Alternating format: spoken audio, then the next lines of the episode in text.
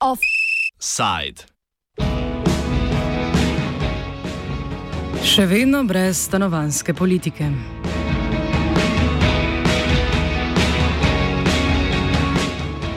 Ministrstvo za okolje in prostor je v mesec dni dolgo javno obravnavo vložilo spremembe stanovanskega zakona.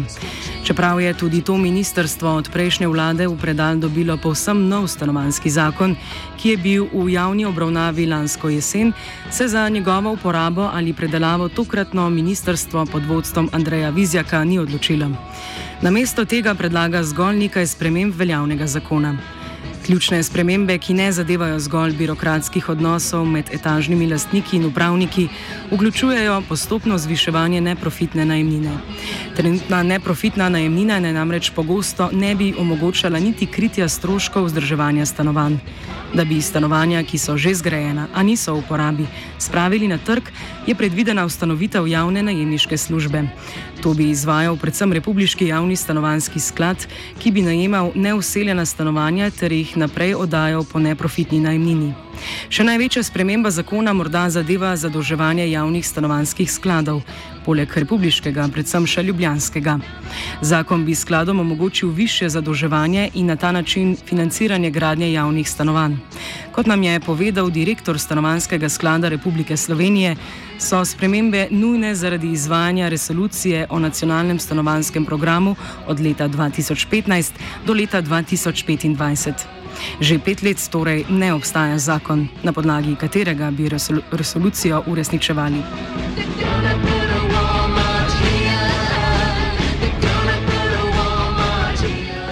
Izhodišče ministrstva pri analizi situacije, na podlagi katere je predlagalo spremembe zakona, je sledeče.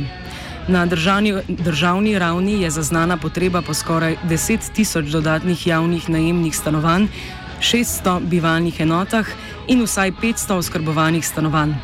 Kot razlaga Rok Ramšak iz Zadrugatorjevega inštituta za študije stanovanj in prostora, je taka ocena veliko preskromna, stanovanski problem pa mnogo večji. Vemo, da imamo resen stanovanjski problem v Sloveniji, ne, mislim, posamezniki ga imamo in vedno bolj kot eh, širša družba. A, rabimo več deset tisoč stanovanj. Zanimivo je, da, da recimo ministrstvo pravi, da jih rabimo deset tisoč, kar je pač smešna metodologija, ki so uporabili. To so preprosto pogledali, koliko ljudi se poprečno prijavi na, uh, na te razpise za neprofitna stanovanja in jih potem ne dobite. Ne? Ampak vemo, da je razlika med temi, ki rabijo in ki se dejansko prijavijo, gromozanska. Ne? Tako da uh, um, uh, uh, že, že z tega vidika reči, da se bo pač potem uh, povečalo interes ali pa da bo bolj privlačno graditi stanovanja že tukaj. Ne? Jaz nekako izda, da ni najbolj resno zastavljen ta zakon. Uh, tukaj bi pač zakon mogel predvideti neke ukrepe, ki bi uh, skoraj radikalno obrat v slovenski stanovanjski politiki naredili in ki bi res izjemno povečali uh, gradno javnih, predvsem najemnih, neprofitnih stanovanj, ker je to tisto, pač, kar najbolj potrebujemo in ker je to tudi tisto, kar je v resnici kot nek uh, stroškovno uh, gledano najbolj ugodno.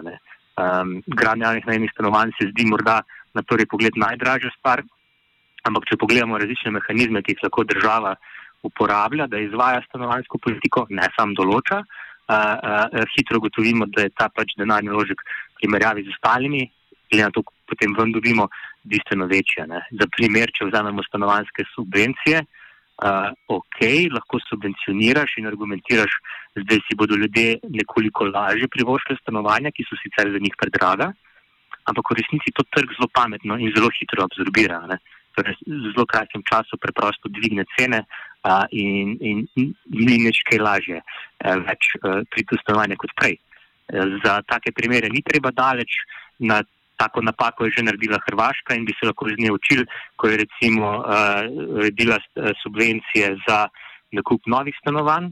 Zelo kratkoročno se je nekoliko dvignila gradna, ampak hkrati so drastično zrasle cene in hkrati je padla poprečna velikost stanovanj. ker so pač želeli investitorji maksimizirati svoje dobičke. Ne? In to je pač problem zapadanja te, teh tržnih logik. Če pogledamo za naslednjih pet do deset let, ta zakon ne bo sproduciral več kot 2000-2500 stanovanj, novih stanovanj, medtem ko, kot so prej rekla, Slovenija ta trenutek potrebuje več deset tisoč novih. Če, in če je že prejšnji zakon, ki je bil premalo ambiciozen, jih obljubljal, recimo, da nekje pet do šest tisoč, res ne razumem, zakaj je prišlo do tega, ne, da se je še to zmanjšalo. Večji del sprememb zakona je namenjen spreminjanju birokratskih postopkov razmerja med etažnimi lastniki in upravniki. Ti bodo med drugim morali odpreti ločene fiduciarne račune za rezervni sklad za vsako večstanovansko stavbo posebej. Zakon bi tudi zmanjšal število potrebnih soglasij etažnih lastnikov za izboljšave in za gradbena dela, za katera je obvezno gradbeno dovoljenje. Do največ sprememb pravzaprav prihaja v prvem delu tega zakona, ki pa govori zgolj o, uh, o upravnikih mhm. večstanovanskih stavb in pa o uh, etažnih lasnikih. Ne. Torej, uh, očitno je šlo do sprememb samo na področjih, za katere se je najbolj zauzemala gospodarska zbornica, uh, za dele, ki se pa zauzemala strokovna javnost. Uh, in pa pač ljudje, ki najbolj čutijo stanovanjski problem, pa ni prišlo do resnih težav.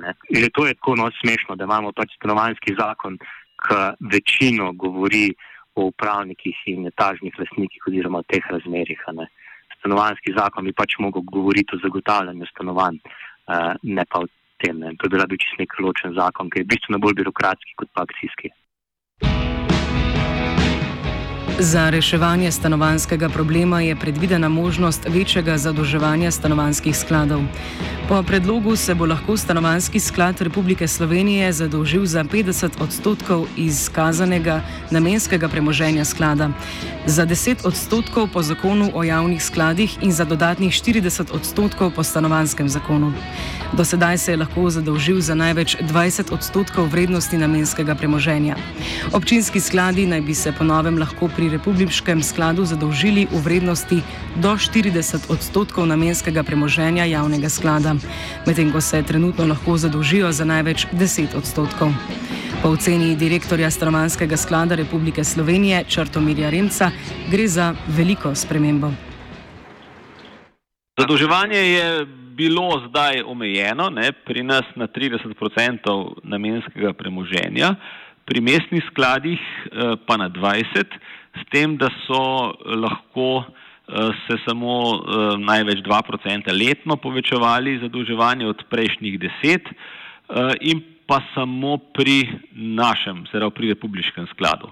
Zdaj, kolikor pač sem si ogledal zdaj te predlog nujnih sprememb stanovanskega zakona, se dviguje, to se pravi ta, ta prak na 40 procent, oziroma skupaj pri nas je bilo že prej 10 plus 40 na 50 procentov namenskega premoženja.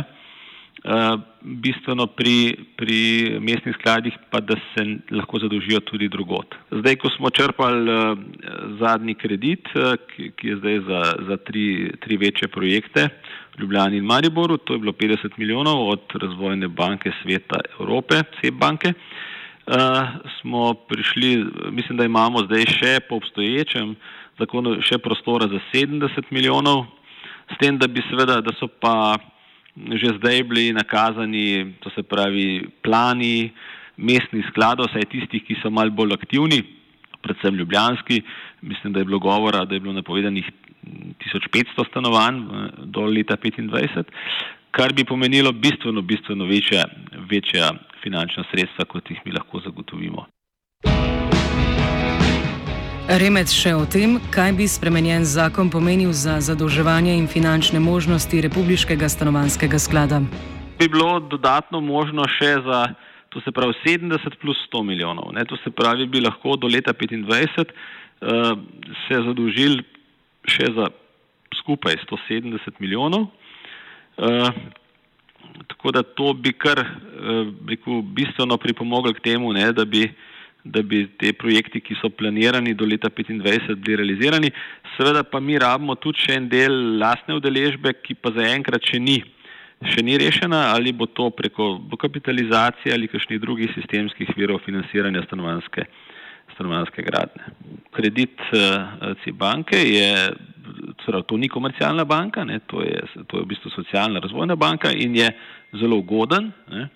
To se pravi, je obrestna mera Euribor plus uh, ni celih 28 oziroma fiksna, mi, mi, mi, se, uh, mi smo se odločili za fiksno obrestno mero, takrat, ko črpamo obrok kredita in to se je, in seveda se ta fiksna obrestna mera spreminja od nič celih 7 do nič celih 9 približno fiksna obrestna mera, ker vemo, da je zelo, zelo ugodno. Uh, tako da ti krediti so, mislim, da so pravi za, za reševanje um, te stanovanske problematike, Zdaj, da povečujemo potencial naših investicij. Seveda mora biti pa v tem primeru teh 50 milijonov je namenjenih za reševanje, to se pravi tam, kjer je največja stanovanska, kjer je največje pomankanje stanovanj. Tukaj gre za Maribor in Ljubljano. Uh, in s podarkom na mladih in vseh ogroženih skupinah, tudi starejši. Ne se pravi mladi, starejši, družine z več otroki. E, zato imamo recimo projekt Gerbičeva, skupnost za mlade, 110 enot, e, potem imamo Maribor 212 e, enot pod Pekarsko gorco in pa 498 stanovanj Ljubljani na Brdu. Od tega jih je, jih je na Brdu 28, oskrbovanih v Mariboru pa 30. Ne. In s temi stanovanji v bistvu mi tudi rešujemo, se pravi, starejše. Ne. Po mnenju Roka Ramšaka, više zadolževanje ni slab ukrep, a bo imel zelo omejene učinke. To pomeni, da bo pač lahko zdaj republiški stanovanski sklad, pa JSSMOL, torej od uh, Ljubljane, ne, ki sta pač edina, ki imate nekaj več premoženja, se lahko bolj zadolžila in zdaj le ta trenutek par stanovanj več zgradila. Realno cena, mislim, na državni ravni to pomeni 2000 stanovanj, 2100. Uh, ampak potem se ustavi, to je to.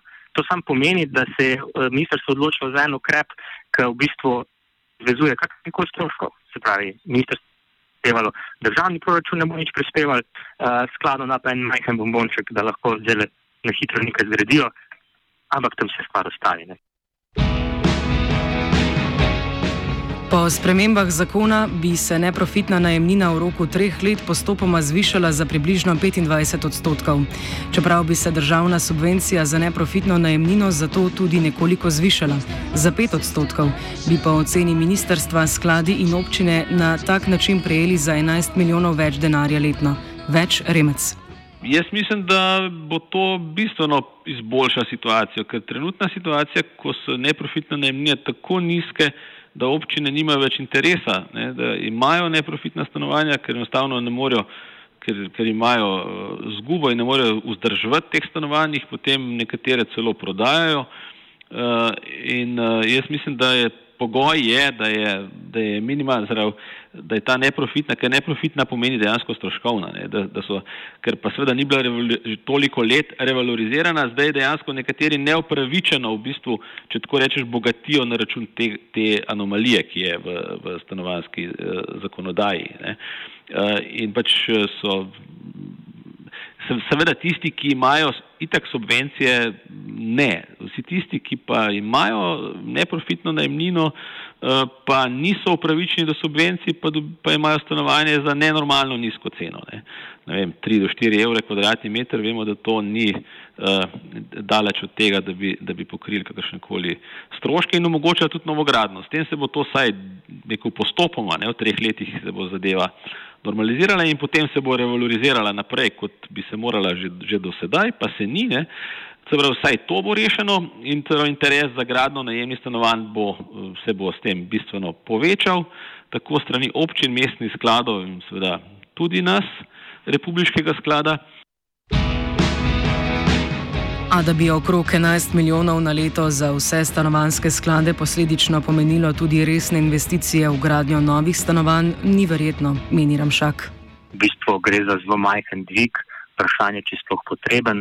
A, pa um, bolj govorimo o tem, da bo s tem denarjem nekoliko lažje ohranjati obstoječ stanovanski fond. uh, nikakor pa ne moremo govoriti, da bo o tem pač ga možno uh, širiti. Ne. Dvig neprofitne najemnine ni nekaj, s čimer bi ti zaganjal gradno javnih najemnih stanovanj. Ti pač to zažene z tem, da pač urediš sistemski vir financiranja, ki pride iz proračuna ali pa zelo striktno namensko določenih uh, davkov. Tega pač v Sloveniji nimamo in nič ne kaže, da bomo v kratkem to imeli, zato se pač nekaj poskuša zaubiti s temi uh, uh, neprofitnimi najemninami, ampak pač res grešeno. Govorimo o tako malem dohodku, mislim, 11 milijonov, to ni. Ustanovitev javne najemniške službe naj bi na trg spravila več tisoč stanovanj, ki so trenutno prazna. Gre za to, da pač eh, bi eh, se pravi stanovanja, privatna stanovanja, ki so prazna in bi jih pač privatni lasniki želeli eh, dati v, v posredovanje, da bi jih pač dal nam ali pač drugemu ponudniku ne, te javne najemniške službe in ta pa naprej seveda končnemu uporabniku. Sama rešitev v predlogu, mogoče bo potrebna še neka, neke spremembe, dodelave, eh, da bo seveda bolj učinkovita, ker namreč eh, težko bi to izvajali na nivoju neprofitne najemnine, ker, si, ker bo interes pač privatnih lasnikov ne bo dovolj velik. Se pravi, tukaj bi morali saj na neko stroškovno najemnino preideti, ne na tržno, ampak stroškovno ki je nekje vmes med, eh, med neprofitno in pa tržno. S tem bi seveda interes povečali. Je pa tudi predvidena delna celo 50-odstotna olajšava davčna za tiste, ki bi se odločili za to, tako da to nekako bi potem postalo dovolj vabljivo, da bi seveda vsa ta prazna stanovanja, predvsem recimo tista, ki so zdaj mogoče od Airbnb-a nekako obtičala, ne, eh, da, bi, da bi jih aktivirali. Je pa res, da se neprofitna zdaj bo postopoma postopoma zviševala, sem to ne bo takoj ne, in zato bo, bo zelo težko zagnati. Ne, na ta način bo zelo težko zagnati eh, to javno najemno službo, ampak jaz verjamem, da bomo to v pogovoru z ministrstvom še tudi ustrezno rešili. Rok Ramšak je kritičen tudi do te točke zakona. To je pač neka čist nova stvar, uh, um, ker pa v resnici izvedena zdaj v tem zakonu drugače, kot je bila izvorno zamišljena. Uh, pred leti se je namreč razmišljalo, da bi pač skladalo s tem javno nemijsko službo, katero bi bila v bistvu biti posrednik med uh, lasnikom in pa najemnikom, tako da bi to razmerje najemniško naredilo varnejše za oba. Torej, da bi garantirali, da ne prije do nekih težav iz vidika uh, degradacije stanovanja. Najemnika je pa pač poskrbela, da gre za bolj uh, za, za bolj varno, stabilno najemništvo, kot sicer na trgu. Mogoče, Zdaj, tukaj si je nekdo, ne vem, na kateri točki spomnil, da bi mogoče pa s tem lahko poskušali prikazati, da imamo več javnih najemnih stanovanj. Uh, in so v bistvu zdaj namenjeni temu, da ta javna nemška služba najema na trgu stanovanja, po kakršni koli ceni že se izpogaja, uh, in potem ta oddaja po neprofitni najemnini. Ne.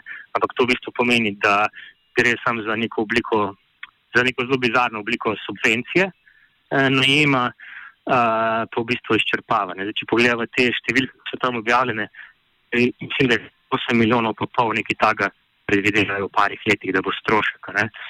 Uh, to je ogromno, mislim, zelo odvisno, kje vsi, ampak s takim denarjem si ti sposoben na leto uh, zgraditi med 200 uh, do 400 pa 500 stanovanj.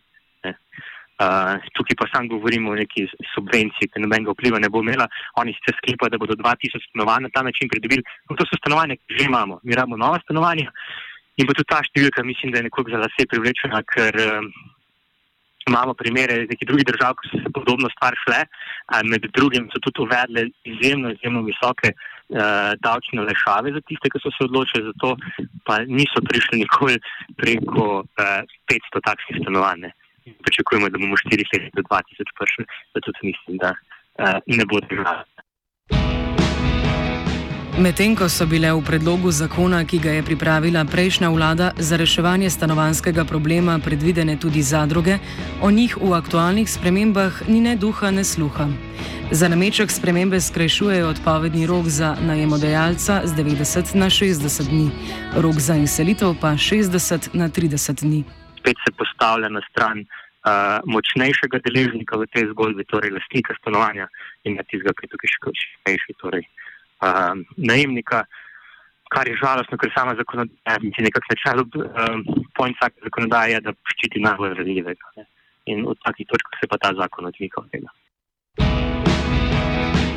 Offside je pripravil Martin.